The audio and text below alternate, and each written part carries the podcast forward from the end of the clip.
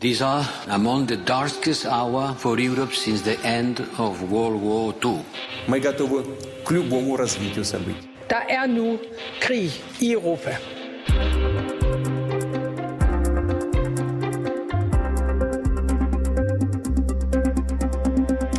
Vladimir Putin og hans regime bliver angrebet af Anonymous. Internetbevægelsen, der er kendt for hacking, cyberangreb og digital aktivisme, gik for få dage efter invasionen ud med beskeden om, at de vil gå til angreb mod det russiske regime. Du lytter til Krig i Europa, hvor vi i dag bringer et interview med en ledende skikkelse, der står i fronten for en gruppe, der kæmper under Anonymous Parole. Vores reporter Kevin Takir har talt med en mand, der står bag en tjeneste, der sender information om krigen ind i Putins Rusland Rusland, som jo ellers har lukket ned for vestlige medier, Facebook og Instagram. Mit navn det er Cecilie Lange. Og jeg hedder Alexander Vils Lorentzen. Velkommen indenfor til Krig i Europa.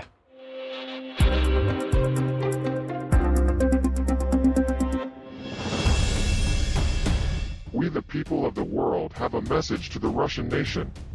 A nation that is to pay a huge price because of the shameful decision of the dictator Putin to attack an independent Ukraine by armed forces. Internetbevægelsen Anonymous er gået i krig mod Putin. Nearly 150 million Russians do not know the truth about the causes or course of the war in Ukraine. It is fed with the lies of the Kremlin propaganda. Og særligt en gruppe, som kæmper under Anonymous' faner, står ved frontlinjen i informationskrigen. It is possible for each of us to convey a direct message to the inhabitants of this enslaved country.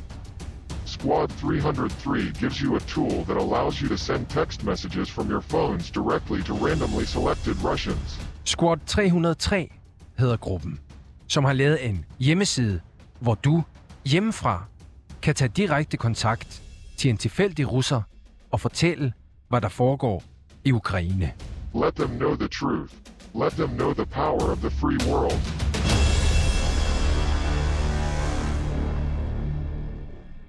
Jeg har talt med en af de ledende skikkelser i Squad 303.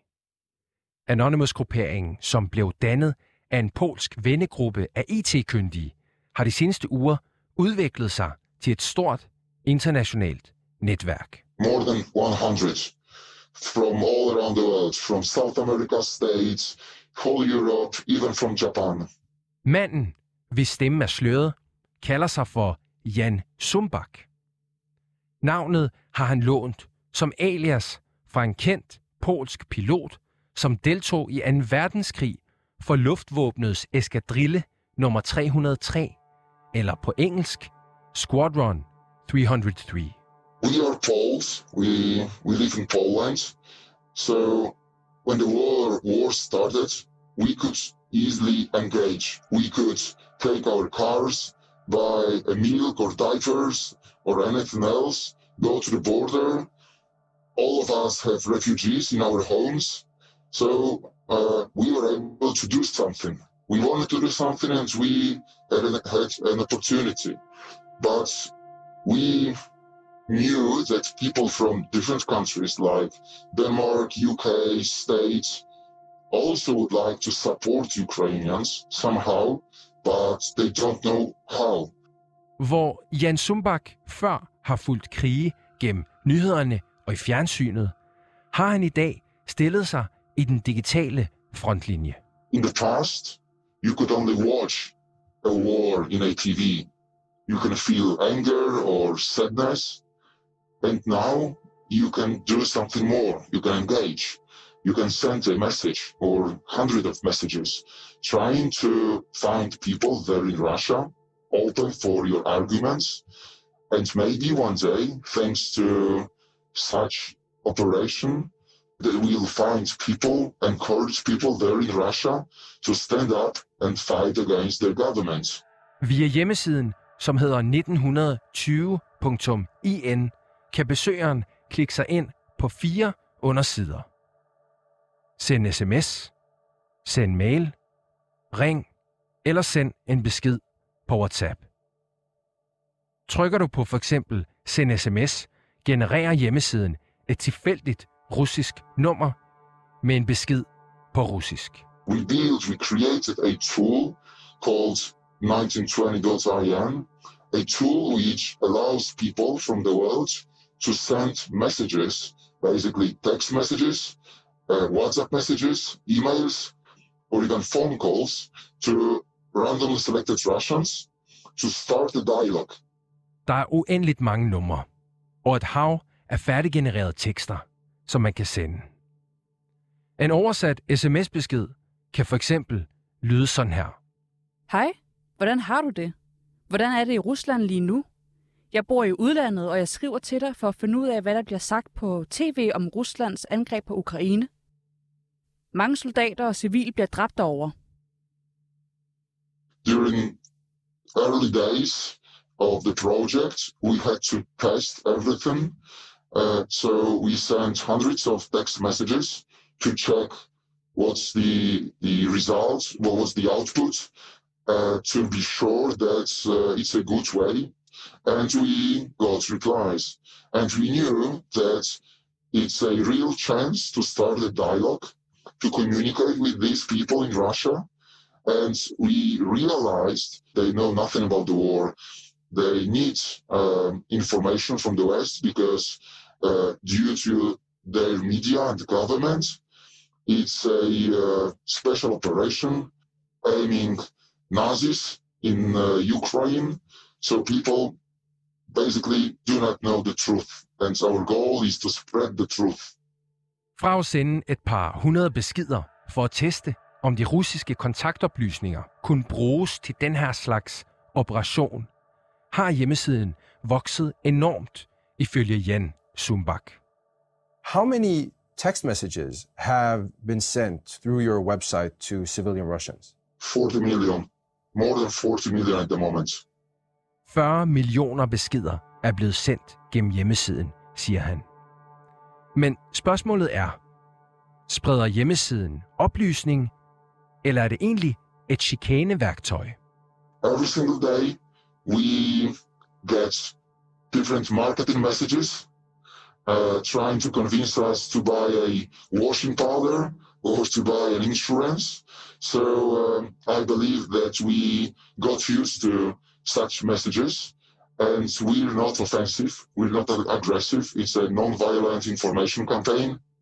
They simply can leave the message and even, you know, don't read it and they don't have to reply. It's their free will if they want to start a dialogue or not. Rusland har begrænset adgangen til vestlige medier og sociale medier som Facebook. Med andre ord har staten begrænset befolkningens reelle adgang til information om krigen.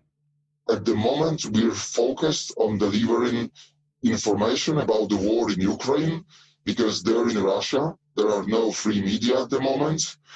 There is a huge uh, wall, digital iron curtain, which doesn't allow Russians to visit Western websites. They do not have access to Facebook and other social media platforms, which means that at the moment, the only source of knowledge about the situation and the war comes from media controlled by the government. The contact info on civilian Russians that have been contacted millions and millions of times. Where have you obtained these contact informations from? Let's say we borrowed them from the Russian government. Can you be a little bit more specific? Yeah. So we didn't ask for them. We just took them from the Russian government. We means anonymous.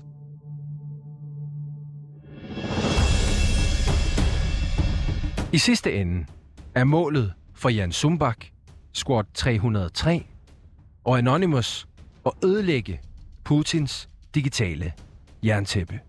It's not an operation focused on one-way communication. It's a project focused on a dialogue started by people from the free world with people there in Russia. We made everything possible to make the process the easiest. So we, we're trying to to destroy the Iron Curtain, the digital Iron Curtain built by Putin and Kremlin to cut off Russians from the rest of the world. That's the goal.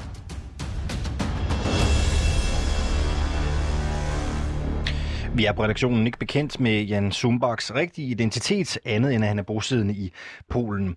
Til gengæld har vi kunne verificere, at den samme mand, som optagede interviewet, står bag hjemmesiden 1920.in, som indslaget handler om. Vi kan også verificere, at hjemmesiden virker som beskrevet i det, vi har været i kontakt med danskere, der har fået kontakt til adskillige russere gennem 1920.in, dog uden at kunne bekræfte antallet opkald og sms'er fra siden. Øh, indslaget her det er produceret af øh, Kevin Shakir. Thomas Lund Sørensen, forhenværende chef for Center for Cybersikkerhed, nu partner og head of øh, Cyber Risk Practice i øh, Macro Advisory Partners. Øh, velkommen til dig. Tak. Få dage efter, at Rusland havde påbegyndt invasionen af Ukraine, så meldte Anonymous sig ind i kampen, da de erklærede krig mod Putin. Og her hørte vi om en af de måder, som man altså angriber Rusland på. Hvad tænker du egentlig om den her metode, som vi får beskrevet her? Jeg synes, at øh, det, det virker jo på sin vis øh, både forståeligt og også lidt uskyldigt, det der øh, foregår her med Anonymous. Anonymous er jo en gammel gruppering af folk, som jo øh, ikke, det er ikke velorganiseret på nogen måde. Altså hvis man føler, at man tilhører Anonymous og kalder sig Anonymous, så er man en del af, af det. Øhm, men det, der egentlig har været rigtig overraskende her, det er den genopstandelse, der har været af hele det aktivistiske miljø i forhold til øh, den her øh, Ruslandskrise. Og, øh, og jeg tror altså, at de har haft en temmelig stor øh, gennemslagskraft, dels i form af det, som vi hører her, hvor man forsøger at kommunikere med, med den enkelte russer, men også i forhold til en masse af de andre former for aktiviteter, der foregår, angreb øh, på forskellige russiske hjemmesider og myndigheder, og måske ligefrem også hacks, altså hvor man kommer ind og, og får lagt systemer ned. Og det har jeg altid haft lidt en udfordring med, fordi jeg synes sådan set, at hvis man skal føre krig, så skal man overlade til staterne, så skal det ikke være privatpersoner, der gør det. Øh, her der har det taget en, en, en, en drejning, som er øh, markant, vil jeg sige, altså en genopvækkelse af det her miljø. Og jeg synes stadigvæk, at vi har de, de grundlæggende spørgsmål at stille os. Er det egentlig en god ting, at det sker? Men jeg tror, der er meget stor forståelse i Vesten for, at det rent faktisk finder sted. Hvad synes du egentlig selv? Øh, kan du forstå det? Fordi det er jo det modsatte af det, du efterspørger i virkeligheden. Det er jo ikke stater, der fører krig her. Det er øh, anonyme øh, civile personer, som øh, er genopstået et eller andet øh, sted. Hvad synes du egentlig om det? Jamen altså, jeg har aldrig troet, at jeg skulle stå og sige det her, og slet ikke i en radio, men jeg har faktisk stor forståelse for, hvad der, hvad der foregår. Man skal bare ikke underkende den konsekvens af, at man kan, hvis man er dygtig hacker, øh, øh, komme til at ødelægge noget, lægge nogle systemer ned, lægge et hospital ned i, øh, i Rusland, øh, lægge noget kritisk infrastruktur ned, som russerne nok vil sige, okay, øh, skal det have et gensvar, og hvor var det, det her angreb kom fra, og hvem er det så, vi rammer? Og så er man lige pludselig inde og begynder at eskalere nogle ting. Og det er der, hvor jeg synes, at, at det bliver betænkeligt. Men altså det, der foregår i Ukraine, det synes jeg begrunder i hvert fald, at, det, den aktivistiske tendens er, den er svært at sige nej tak til. Og hvis vi øh, fokuserer på den øh, metode, som øh, programmet drejer sig om øh, i dag, hvor, hvor øh, effektfuldt tror du egentlig det er? Altså det, som handler om, øh, jeg ved ikke, om man kan kalde det en informationskampagne, men det er i hvert fald en meget øh, organiseret metode til at forsøge at viderebringe informationer fra Vesten til ukrainske øh, civile. Hvor effektfuldt tror du det er? Jeg tror sådan set, det har en effekt, øh, og det er jo ikke, fordi vi kender det særlig meget fra, fra Danmark. Altså det nærmeste, vi kan sammenligne med, det er måske virkelig en spam og sådan noget. Men i USA, der er man jo vant til at bruge det her i valgkampe, hvor man laver det, der hedder robocalls, hvor man ringer ud til folk, på, typisk på en fastnet-telefon, men selvfølgelig også efterhånden på mobiltelefoner, hvor der så er en automatisk stemme, der øh, taler positivt om den og den øh, kandidat til, øh, til et valg.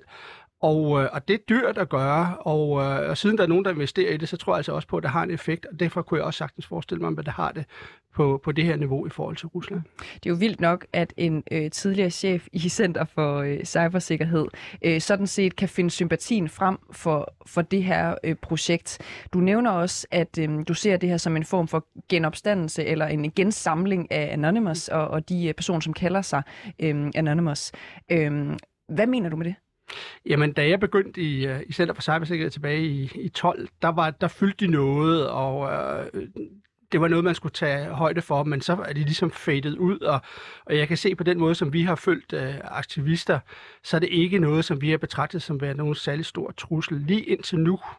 Øh, og det er klart, at i øjeblikket er det jo ikke en trussel mod, øh, mod Danmark eller, eller Vesten, nu er det Rusland, der er udsat for det.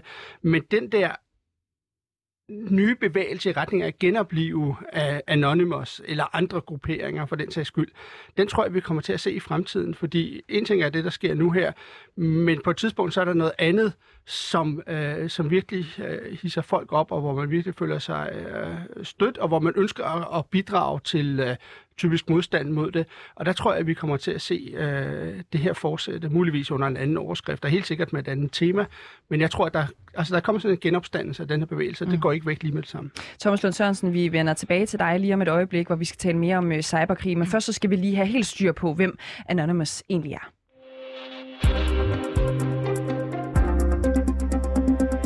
Og til at hjælpe os med at tegne et portræt af Anonymous, har vi besøg af dig her til morgen, Maja Kalke Lorentzen. Godmorgen. Tak. Godmorgen. Du har et indgående kendskab til digitale bevægelser, og du har blandt andet specialiseret dig i uh, digital uh, kultur. Uh, lad os starte med at få aflivet en misforståelse, hmm. nemlig at Anonymous er en klassisk organisation. Uh, det er ikke en gruppering, men derimod en bevægelse. Uh, hvorfor tager folk fejl, tror du? Jeg tror, det er fordi, der er et logo, og der er et navn, og der er nogle aktioner, som på en eller anden måde kan minde lidt om hinanden, og så tænker man, at så er det, øh, altså, så er det et eller andet parti eller en organisation med en valgt øh, generalsekretær. Det ser vi ofte med de her internetbaserede bevægelser. Vi så det også med sådan noget som MeToo, Altså, hvor nogen der siger, ja, men jeres kampagne er dårligt planlagt, men jamen, det er altså ikke en kampagne, det er en hel masse mennesker på sociale medier, der taler om det samme emne på samme tid. Så det kan du jo ikke kontrollere. Og Anonymous er netop organiseret decentralt. Altså, det er en del af kernen i det, og grunden til, at mange af de her aktivister, øh, som der også blev talt om før, kan se sig selv i den her bevægelse, det er netop, at der ikke er nogen leder. Øh, at det er sådan en, en, en anarkistisk, decentral struktur, og man kan hoppe med og gøre noget i de sager, hvor det giver mening for en, fordi Anonymous har været aktive, og det er rigtigt, de har ikke været særlig aktive de sidste måske 10 år eller sådan noget. For 10 år siden var de virkelig meget aktive, rigtig, rigtig mange forskellige ting. Øhm, men der var ligesom også sådan, når man nu laver vi noget infrastruktur til studenteroprøret i Iran. Hvis du går ind for det, så kan du hoppe med her, men hvis det ikke er så vigtigt for dig, så lad du være. Øh, så til gengæld, så kan det være, at du går ind i nogle af de andre sager. De lavede også noget i forbindelse med det arabiske forår i Ægypten i 2011, så kunne du gå med der. Men det kunne også være nogle mere øh, nationale ting, hvis du var amerikaner. Måske være med til at lægge nogle statshemmeligheder eller et eller andet. Øh, nu vi snakkede om, om stater, der fører cyberkrig, så har Anonymous og det her hacktivist kollektiv også meget haft det her med, at de holder nogle magthaver i ørerne med de cyberaktiviteter, de laver. Ja, det, du er nok allerede lidt inde på det, ikke? fordi det lyder meget fragmenteret, det du øh, beskriver her, sådan mm. fra sag til sag. Vil det sige, at Anonymous ikke har et overordnet samlet formål? De har et, et samlet formål på den måde, at de ligesom er imod øh, korrupte, øh, autoritære magthavere. Øh, de, er, øh, de afslører gerne korruption og magtmisbrug af, af stater, øh, især repressive og autoritære regimer, men de har også gjort det med vestlige øh, regeringer og virksomheder og aktører. Øh, og så er de meget imod øh, censur og, øh, og det, folk, der ligesom overvåger eller lægger bånd på det frie internet, fordi det er ligesom kernen i deres bevægelse. Det er den her med, at altså, information skal flyde frit, og internet skal være frit, og det skal ikke være styret hverken statslige eller kommersielle interesser. Så, så det er sådan lidt, lidt det, der er ledetråden, og så er ledetråden igennem deres aktivisme selvfølgelig også deres metoder. Altså, at de er nogle digitalt dygtige mennesker, og de bruger nogle sådan, hvad kan man sige, digitale øh, krigsførelsesmetoder, hvis vi skal blive den her metafor. Så de har en overordnet form for raison d'être, men det er stadig ikke en gruppering. Er der nogen, der samler, koordinerer og styrer tråden? Jamen, det, der, er nu, der er jo ligesom nogle forskellige steder, som er, som, hvor man samler sig som nogen, der er aktive i Anonymous, men der er ikke nogen, der bestemmer. Der vil jo altid være sådan nogle decentrale grupperinger. Nogen, der har mere magt øh, end andre. Øh, folk er anonyme. Nogen kender hinandens identitet, men rigtig mange gør ikke. Men så har du måske tit et, et brugernavn eller et hackernavn, og det er ligesom en person, der har noget vægt og noget magt bag sin ord, og de kan så give andre menneskers forslag til aktion og legitimitet og sige, ja okay, det er en god idé, det hører godt ind under Anonymous, jeg kan se mig selv i det her, lad os bakke op om det. Men der er ligesom ikke, øh, der er ikke en chef, øh, og der er ikke en eller anden formaliseret proces for at sige, nu gør vi det her. Man har også set aktioner, som, øh, som de andre Anonymous brugere har taget afstand fra, eller hvor de har været uenige, for eksempel øh, at gå ind i Libyen øh, i forbindelse med, med oprøren i 2011. Der var de meget splittede, der var nogen, der gik ind og var pro-Gaddafi, der var nogen, der gik ind og lagde hans websites ned, så der var Anonymous ikke enige, og det vil de, vil de nogle gange ikke være. Prøv at øh, folde øh, den her bevægelse ud for os. Hvordan startede Anonymous egentlig? Jamen, den startede egentlig som, øh, som nogle, hvad kan man sige, nogle internettrolde på, på websitet 4chan. Altså 4chan er sådan en ret gammeldags øh, imageboard, som det hedder, hvor man anonymt kan sidde og skrive om forskellige ting. Det startede som et, et fansite for øh, anime og manga. Øh, og, og det er så også blevet et sted, hvor der er rigtig meget sådan grænseoverskridende humor, øh, trolling.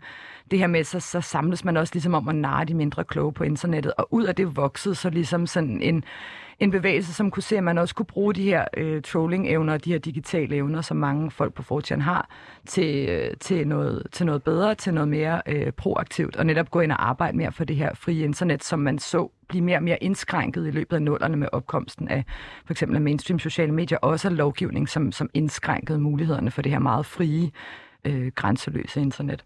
Lad os prøve at se på nogle af de metoder, som øh, Anonymous har haft i forhold til øh, krigen i Ukraine.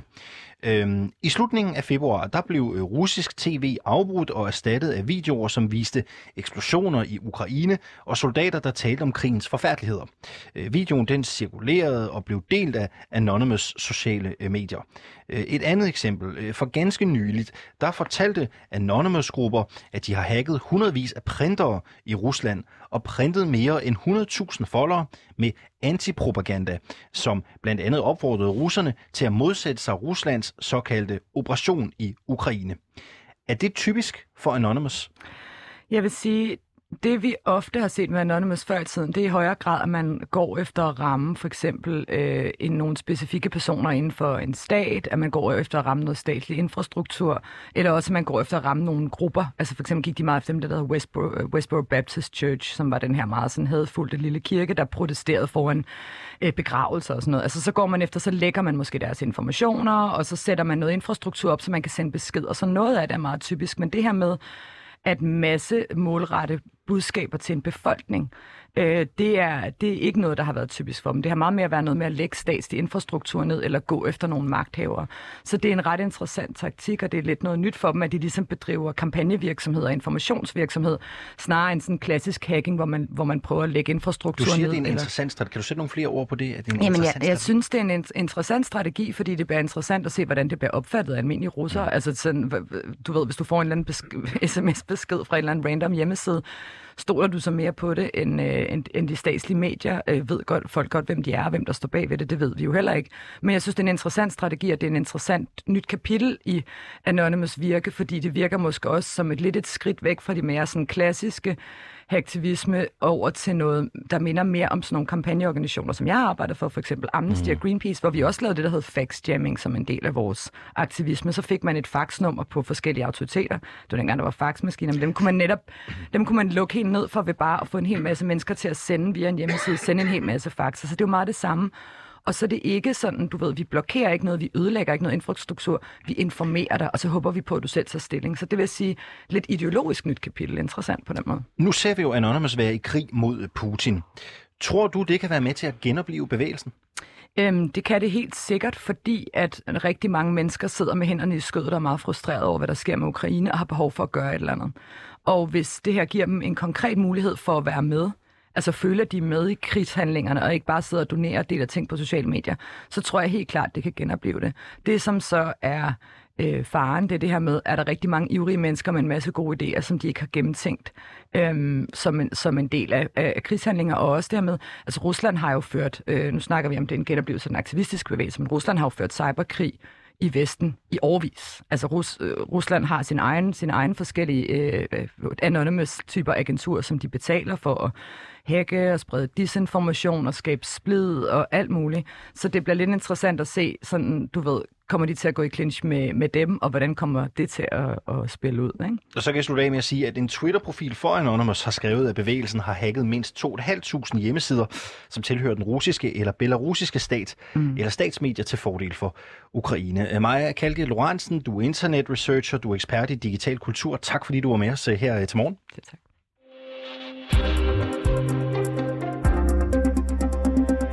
Thomas Lund øh, Sørensen, forhenværende øh, center, øh, undskyld, chef for Center for Cybersikkerhed og nu partner og head of Cyber Risk Practice i Macro Advisory Partners. Du er stadigvæk med os her i studiet. Vi skal lige folde den her aktuelle cyberkrig lidt mere ud, fordi da Rusland begyndte sin invasion af Ukraine, der troede de fleste, at Rusland ville slå Ukraines kritiske infrastruktur ud gennem cyberangreb. Det skete ikke, til trods for, at Rusland ifølge dig siden 2014 har brugt Ukraine som et slags laboratorium for cyberangreb, kan man måske øh, godt kalde det. Allerførst, lad os lige prøve at slå fast. Hvad betyder det, at Rusland har øh, brugt Ukraine som laboratorium for cyberangreb? Det betyder helt konkret, at man har gennemført en lang række forskellige typer af angreb mod ukrainske myndigheder og virksomheder. Og blandt andet så er, det, så er man lykkedes at, at slukke for strømmen i, i, øh, i nogle regioner i nogle timer. Øh, man har øh, hacket øh, hjemmesider, man har overbelastet hjemmesider, så de ikke har været tilgængelige for folk. Og så har man øh, prøvet et meget, meget avanceret angreb, som nok gik øh, i virkeligheden lidt galt set med russiske øjne, i hvert fald med den vestlige øjne, fordi det spredte sig fra Ukraine til hele resten af verden, og en lang, lang række meget store virksomheder blev ramt og fik simpelthen ødelagt deres, deres netværk med, med dels store økonomiske følger, men sådan set også med en masse logistikproblemer efterfølgende. Øh, så, så Ukraine har simpelthen været laboratoriet for, for cyberangreb set fra russisk side, men det har jo så på den anden side også betydet, at øh, ukrainerne og den vestlige verden, som har fulgt det her meget tæt, jo har været meget opmærksom på, hvad det er for nogle teknikker, russerne gør og øh, bruger, og har dermed måske i virkeligheden også fået strammet skruen lidt, sådan at det ikke er helt så nemt for russerne at gennemføre de her angreb igen. Mm. Med udgangspunkt i, i det, hvilken infrastruktur øh, troede man så, at russerne ville ramme? Man troede, øh, ud fra sådan en ren militær betragtning, så er det altid øh, interessant at forhindre øh, ens modstander i at kunne kommunikere øh, og et hele taget fungere. Så det første, man typisk vil ramme, det er telekommunikationsnettet, altså internettet i virkeligheden, radiotårne, øh, nøglepunkter i teleinfrastrukturen. Og så det andet element, det er, er strømforsyningen, som er især interessant at ramme der, hvor, hvor hvad det hedder, øh, krigshandlingerne finder sted. Og det har faktisk været fraværende. Altså, der har været øh, masser af, af digital aktivitet mod Ukraine, især rettet mod myndighederne. Og, men den her øh, kamp mod den digitale infrastruktur, den har nærmest været, været fraværende. Og, øh, Hvordan og der, kan det egentlig være? Ja, men der, der er utrolig mange spekulationer omkring, øh, omkring det her. Øh, en af dem kan være, og det er i hvert fald, øh, vi kunne se fra, fra noget af den rapportering, der har været, at russerne har selv haft behov for at bruge øh, det her netværk. De har simpelthen ikke haft de rigtige radioer med, de rigtige øh, koder til at bruge radioerne, så de er gået over til at bruge de mobiltelefoner, de har med. De har øh, stjålet øh, SIM-kort fra, fra ukrainske øh, telefonbrugere, og så brugt dem i deres egne telefoner for at kunne kommunikere både øh, øh hjemad til, til Rusland, men sådan så også, også internt i forhold til de militære aktivitet. Øh, og det er meget usædvanligt, fordi normalt så vil en, en, en invasionsstyrke, den vil have hele sin egen infrastruktur med, mm. men det har de til synligheden ikke haft. Hvor stor en rolle øh, spiller mere sådan civile cyberkrigsgrupper, øh, som øh, de, der melder sig under Anonymous øh, faner, det er jo dem, vi sådan har, har fokus på i dag. Hvor stor en rolle spiller de egentlig? Det, det er rigtig svært at vurdere, hvor, hvor, hvor, stort det, hvor stor en rolle det spiller, men det har givetvis en effekt, dels i forhold til det, som vi hørte i indslaget før, øh, i forhold til den enkelte russer, men det har også en ret stor effekt i forhold til øh, de myndigheder, som bliver angrebet. Altså det er så igen det traditionelle våben, man bruger her, det er overbelastede hjemmesider, så de er ikke længere tilgængelige. Det har man set rigtig meget i russiske myndigheder. Så meget, så russerne nu har begyndt at lukke deres internet af, sådan at hvis man forsøger at sende beskeder fra en dansk internetadresse til en russisk, så vil det typisk ikke kunne lade sig gøre, i hvert fald ikke, hvis det er en myndighedsadresse. Og, øh, og det er selvfølgelig øh, en måde at beskytte sig på, men det, og det har jo også den effekt, at, øh, at russerne også får svære ved at få adgang til informationer fra, fra Vesten, så der er det sådan ligesom i virkeligheden skudt sig selv lidt i, øh, lidt i, lidt i foden. Øh, der er, en, der er et andet element, som er rigtig vigtigt, det, det er at sige, at nogle gange så kan de her civile angreb faktisk stå i vejen for den øh, efterretningsindhentning, som finder sted helt sikkert mod russiske mål for øjeblikket. Øh, det er klart, at der sidder jo statslige hackere, som prøver at komme ind i russiske netværk for at få adgang til øh, oplysninger om, hvad de har tænkt sig at foretage sig, hvad er deres strategi osv. Øh, og en gang med dem, så kan den slags meget komplicerede operationer altså blive ødelagt af, at der kommer øh, en gruppe, som er Anonymous, en bevægelse, som er Anonymous ind og lægger en hjemmeside ned, eller, eller lægger nogle data fra, fra, fra et hack, som de har, har lavet. Så der er altså den mulige negative konsekvens i forhold forhold til, øh, til øh, hvordan Vesten i virkeligheden forsøger at, at håndtere Rusland i den her sag. Hvordan sker det konkret? Altså det der med, at øh, Anonymous øh, civile øh, hacker sætter en kæppe hjulet et eller andet sted for øh, folk, som hvad skal man sige, måske, nu kalder jeg det berettiget, forsøger mm. at, at få styr på, øh, øh, hvad det er for efterretninger, de kan indhente fra Rusland? Ja, man, man kan tage en helt konkret sag, der bliver offentliggjort nogle oplysninger øh, fra et russisk militært netværk, nogle data på, på nogle soldater, og, øh, og når russerne ser det hårdt, der er nogen, der har hentet oplysninger ud, så begynder de jo naturligt, hvis de i øvrigt har tid til det, at sige, hvordan kan det være? Og så lukker de måske de huller, der har været. Det kan være, at de øh, ligefrem trækker stikket på det forhindrer internetforbindelsen. Øh, og det betyder så, at hvis der sidder en vestlig efterretningstjeneste og arbejdet mod det mål, jamen så øh, kan det lige pludselig være blevet øh, ødelagt, og så får man altså ikke adgang til den, den viden, som han har behov for for den efterretningsmæssige verden. Men altså, det er jo selvfølgelig ikke noget, der sker i alle tilfælde, men, men det er det, der er grundproblemet med den civile aktivitet, det er, at den foregår lidt tilfældigt. Den, den foregår ikke altid øh, på en måde, så man kan overskue konsekvenserne af det. Altså, vestlige myndigheder er meget opmærksom på ikke at overtræde krigens love, ikke at ramme civile mål og sådan noget. Mm. Og det kan man ikke altid forvente, at, øh, at civile bevægelser, eller bare en enkelt civil hacker for den sags skyld, øh, helt kan, kan overskue. Hvad har krigen i Ukraine øh, indtil videre egentlig afsløret om Ruslands øh, form for cyberkrigsføring? Jamen, altså, den Eller har, forsvar, kan man måske kalde Ja, altså man kan i hvert fald sige, at der har været nogle huller i det russiske forsvar i Rusland. Men i forhold til, til det, der foregår i, øh, i, hvad det hedder, i Ukraine selv, så tror jeg, at mange er overrasket over den meget begrænsede anvendelse af digitale instrumenter, som det russiske militær gør. Altså det virker ærligt talt lidt uforberedt og også lidt gammeldags, og svarer i hvert fald ikke til den måde, som vi vil forvente, at en stærk, moderne russisk her øh, ville arbejde på. Øh, og det kan jo være, fordi vestlige verden simpelthen har overvurderet øh, russerne i, øh, i deres evner. Det kan også være, øh, og det er der er meget, der tyder på, at der var jo ikke så forfærdeligt mange, der vidste, at de skulle invadere ikke engang altså højt placerede militærfolk, og de har måske i virkeligheden ikke fået det rigtige udstyr, eller ikke fået forberedt sig ordentligt på, på det her. Så det kan være en anden situation, det vil se anderledes ud. Men det er i hvert fald bemærkelsesværdigt, så relativt lidt digitalt den her krig egentlig har været ført. Mm. Øhm, hvis vi vender den rundt og spørger øh, dig helt åben ind til, hvad synes du, at krigen i Ukraine har afsløret, øh, hvad skal vi kalde det, om, om det civile øh, cyberforsvar i Vesten? Jamen, jeg synes, at der, der er to ting, der er interessant. Det ene er, det er den her genopståelse af, af bevægelsen Anonymous eller andre typer bevægelser, og den effekt, de rent faktisk har haft. Fordi til at begynde at tænke mig, ja, okay, det vil være lidt generende, det vil være en irritation for russerne, men det ser rent faktisk ud som om, at det har haft en, en, en større effekt end bare det. Og så er det det andet element, som vi også talte lidt om før, det er, at man har formået fra øh, aktivistisk side at lave nogle instrumenter, for eksempel den her hjemmeside, som ikke forudsætter nogen teknisk viden, så hvis man ønsker at anvende den som altså helt almindelig borger i virkeligheden, så, det, så, så der står der lige pludselig en slags våbenkapacitet til rådighed for en selv, øh, som man ikke behøver at have nogen stor teknisk viden om. Tak fordi du var med i dag, øh, Thomas Lund øh, Sørensen, forhenværende chef for Center for Cybersikkerhed øh, og nu er partner og head of Cyber Risk Practice i Macro Advisory Partners. Og vi kan også lige tilføje, at siden den ukrainske vicepremierminister den 26. februar opfordrede digitale talenter, som han kalder det, til at blive en del af Ukraines IT Army, så har mere end 300.000 tilmeldt sig gruppen på kommunikationsplatformen Telegram, hvor arbejdet altså koordineres.